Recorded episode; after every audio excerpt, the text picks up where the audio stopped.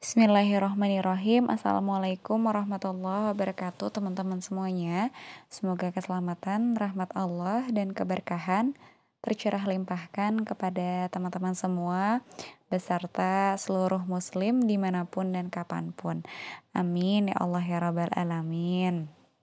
Allahumma salli ala Muhammad wa ala ali Muhammad Alhamdulillah, Alhamdulillah, Alhamdulillahirabbil alamin. Segala puji untuk Allah Rabbul Alamin, Tuhan semesta alam yang maha mengatur dan mengurus segala sesuatu.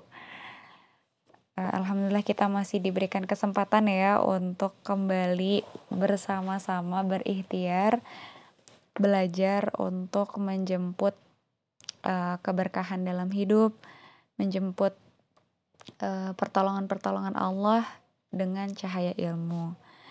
Oke, teman-teman, sebelumnya uh, aku mau minta maaf dulu karena kemarin skip benar-benar gak sempat ternyata untuk upload, untuk bikin dan upload. Jadi insya Allah di malam hari ini, malam ke-19 Ramadan ya, eh malam ke-20 Ramadan, insya Allah akan uh, di-upload dua podcast ya. Bismillah. Uh, sekaligus kita akan menutup atau mengakhiri ya. Uh, Masya Allah bahasan terkait mendidik hati nurani. Oke, okay, sebelum kita mulai, sama-sama kita memohon pertolongan Allah terlebih dahulu. Semoga Allah berikan kita kekuatan ya untuk bisa menjauhi niat-niat yang salah, ilmu yang salah dan tidak bermanfaat, serta amal-amal yang salah. Dan semoga Allah bimbing agar kita bisa memahami ya apa yang kita ikhtiarkan untuk uh, sama-sama uh, dimaknai. Oke, okay, kita uh, berdoa dengan membaca basmalah, Bismillahirrahmanirrahim, dan juga Mari sama-sama memohon kepada Allah. Bismillahirrahmanirrahim. Allahumma inna as'alukal huda wat tuqa wal afaf wal gina. Ya Allah, berikanlah kami petunjuk ya Allah. Berikanlah kami ketakwaan, berikanlah kami kemuliaan dan berikanlah kami gina ya Allah, kekayaan hati. Amin amin ya Allah ya rabbal alamin. Hmm, dan tak lupa ya teman-teman, mari sama-sama kita sempatkan untuk doakan dulu guru-guru kita, orang-orang yang pernah berjasa di dalam kehidupan kita, jadi jalan Allah untuk menunjukkan cahaya ilmu ya, yang membuat kita semakin dekat kepada Allah, mengenal Allah, dan lain-lain. Mari tundukkan uh, hati dan diri kita di hadapan Allah dan mari sama-sama ingat-ingat wajah-wajah guru-guru kita, kemudian bayangkan kebaikan-kebaikannya. Kita doakan keberkahan, kita doakan kesehatan, dan juga kemuliaan untuk guru-guru kita. Bismillahirrahmanirrahim. Mari kita doakan dengan keberkahan Quran Surat Al-Fatihah. Al-Fatihah. Bismillahirrahmanirrahim. Alhamdulillahirrahmanirrahim. Rahmanirrahim Malik Yawmiddin Wa iyyaka nasta'in. Ihdina siratal mustaqim. Shiratal ladzina an'amta 'alaihim ghairil maghdubi 'alaihim Amin amin ya Allah ya rabbal alamin. Oke, teman-teman, langsung saja uh, kita akan sama-sama maknai ini materi terakhir ya dari bab uh, kedua atau materi kuliah kedua terkait mendidik hati nurani. Jadi judulnya pun mendidik hati nurani. Semoga bisa menjadi rangkuman untuk kita lebih memaknai episode-episode sebelumnya ya. Oke, bismillahirrahmanirrahim. Hati nurani sejatinya memang tidak akan bisa selalu bersih. Tidak akan bisa selalu bersih sekali satu kali untuk selama-lamanya. Tidak bisa. Hati akan selalu terkotori oleh nafsu duniawi. Maka dari itu, kita bersihkan kita perlu bersihkan lagi. Kemudian hati kita akan kotor lagi, maka kita akan bersihkan lagi. Oleh karena itulah, perintah dari Allah adalah supaya kita selalu membersihkan hati. Karena Allah yang menciptakan hati.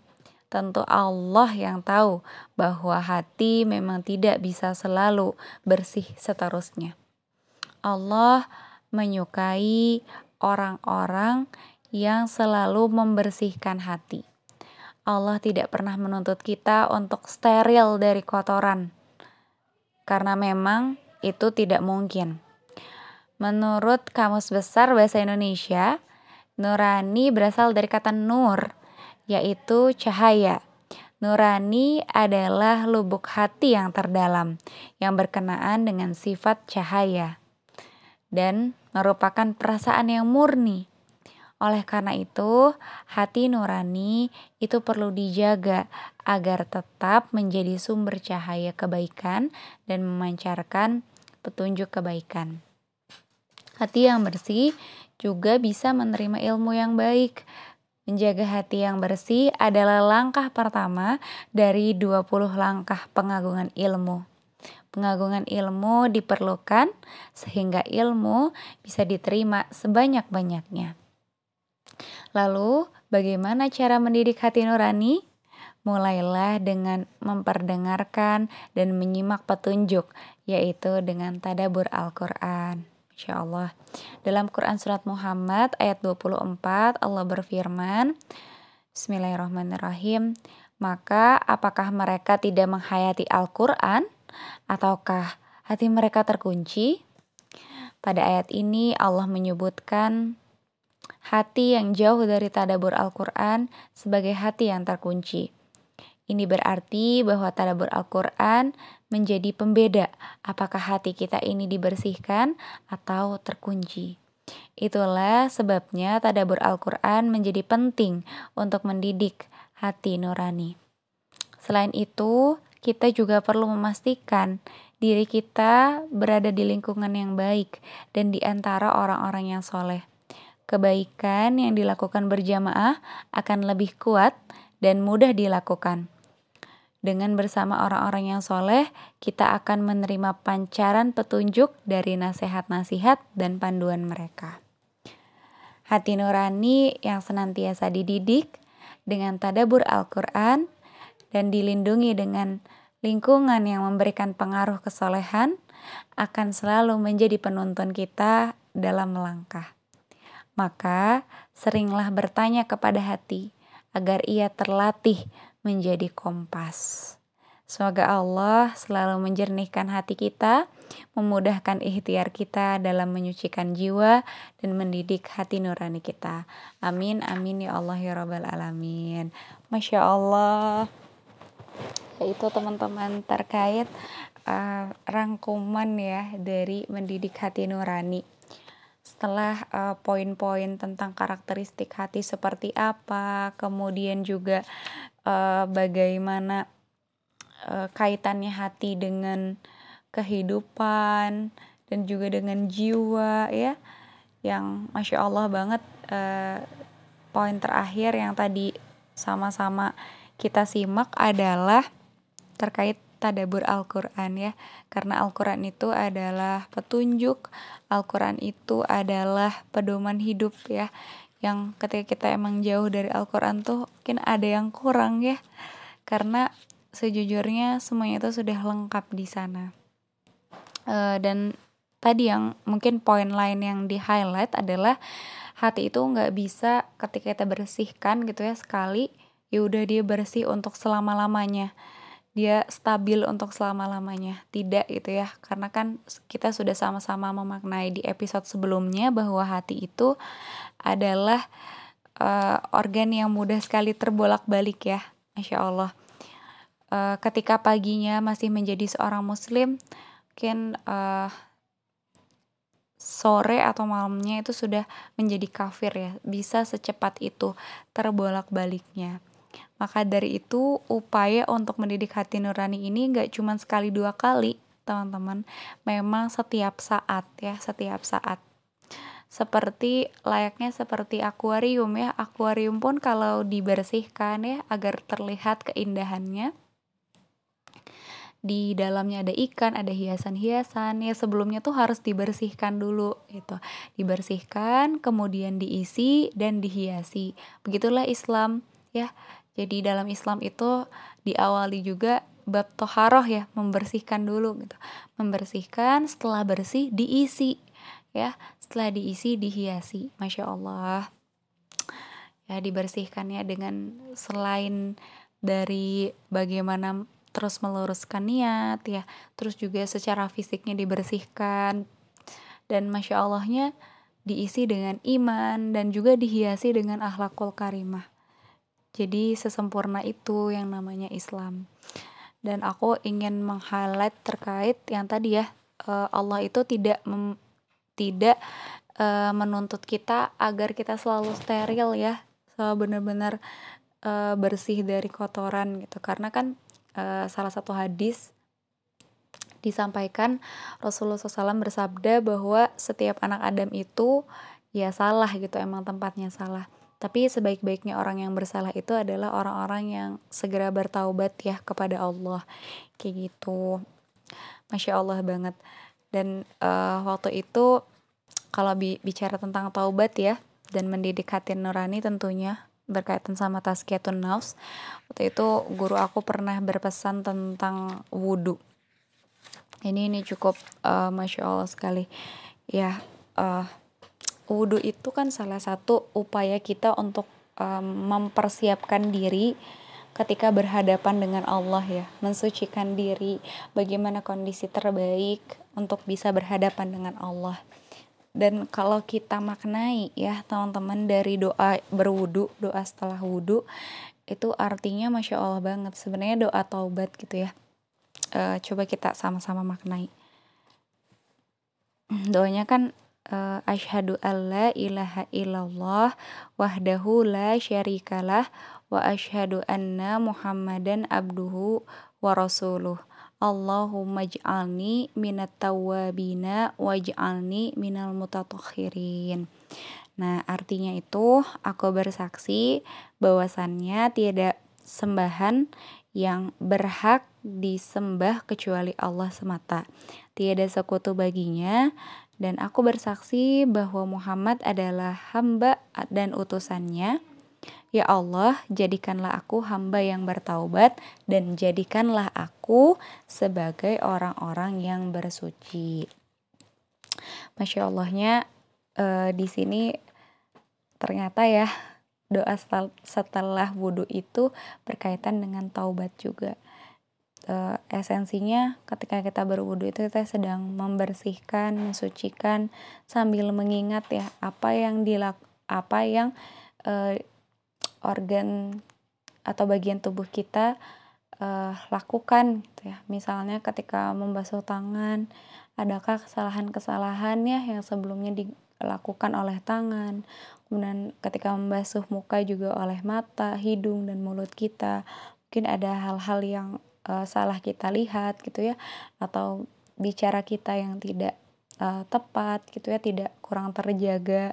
Itu kan semuanya kita bersihkan di wudhu sebenarnya kalau kita sama-sama maknai dan doa uh, doa setelah wudhu tadi ya yang ada di hadis riwayat An-Nasai itu juga dijawab sama Allah di Quran surat Al-Baqarah ayat 222. Nah, ini mudah ya angkanya 222. Jadi uh, teman-teman bisa selalu ingat nih ya. Quran surat kedua ayat 222. Mari sama-sama kita cek and recheck ya. Soalnya Masya Allah banget. Oke. Nah, uh, di ayat 222 ini, di bagian part terakhirnya, ya bismillah. Sungguh Allah menyukai orang-orang yang taubat dan menyukai orang yang menyucikan diri. Masya Allah. Jadi langsung Allah jawab, uh, ketika kita meminta ya Allah semoga aku tuh menjadi bagian dari orang-orang yang suka bertaubat orang-orang yang suka mensucikan diri ya bersuci dengan bersuci terus sama Allah dijawab sungguh ya aku itu menyukai uh, orang-orang yang taubat menyukai orang-orang yang mensucikan diri masya Allah. Ya jadi uh, sebenarnya mah jangan pernah khawatir ketika kita uh, punya masa lalu yang kelam gitu ya punya kesalahan-kesalahan uh, yang mungkin belum bisa kita lupakan sebelumnya gitu. Kita mohon ampun kepada Allah ya apalagi ini uh, Ramadan dan uh, di 10 hari kedua ya meskipun udah di penghujungnya ya ini waktunya kita memohon ampun kepada Allah ya. Kita meminta maaf dan kita juga ber uh, berikhtiar dan meminta pertolongan kepada Allah tentunya agar kita bisa menjadi pribadi yang lebih baik lagi. Karena seburuk apa pun kita di masa lalu, besok itu insya Allah masih suci kalau Allah masih berikan kita kesempatan ya di esok hari. Jadi terserah kita besok itu mau dipakai untuk apa. Dan Allah itu sayang sekali kepada kita. Di Quran surat Az-Zumar ayat 53 Allah menghibur kita untuk uh, di Az-Zumar ya, bentar ya. Cek Az-Zumar ayat ayat 53. Ya Allah menghibur kita agar kita itu tidak berputus asa dari rahmat Allah yang sangat-sangat luas. Bismillah, mari kita maknai. Uh, wahai hamba-hambaku yang melampaui batas terhadap diri mereka sendiri, janganlah kamu berputus asa dari rahmat Allah.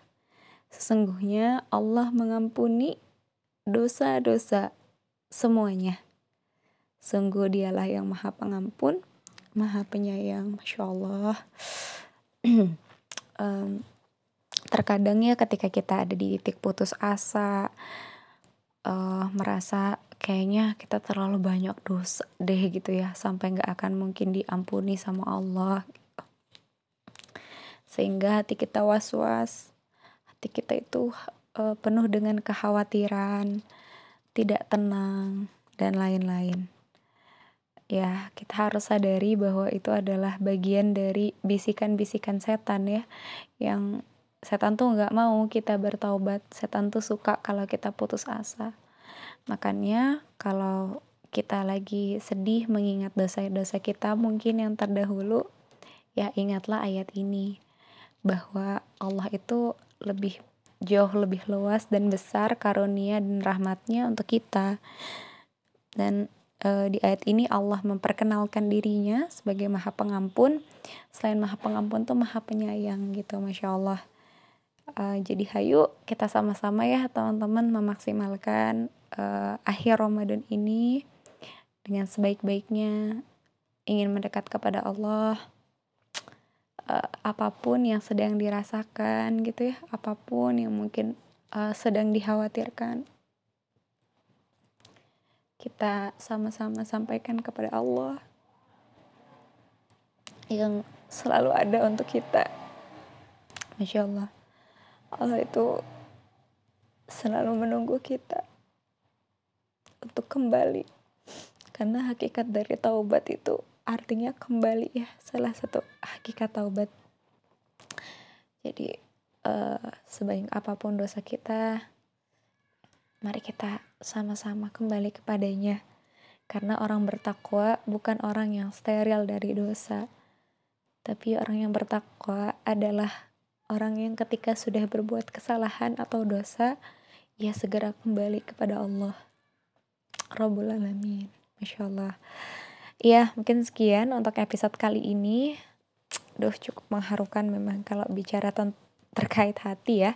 Insya Allah di episode selanjutnya kita akan sama-sama uh, memaknai sebuah kisah ya yang menjadi uh, refleksi dari bab kedua ini yang dituliskan oleh Bu Yulianti ya. Uh, judulnya apa? Sabar. Silahkan uh, disimak di episode selanjutnya ya. Ya kita cukupkan untuk episode kali ini Semoga Allah betul-betul berikan kita kekuatan untuk bisa memaksimalkan uh, ikhtiar dan upaya ya untuk mendidik hati nurani. Semoga Allah ridho, semoga Allah terima ikhtiar kita pada malam hari ini untuk sama-sama belajar kembali kepada fitrahnya. Ya, bismillah teman-teman, semangat terus. Wallahu a'lam bishawab. Wassalamualaikum warahmatullahi wabarakatuh.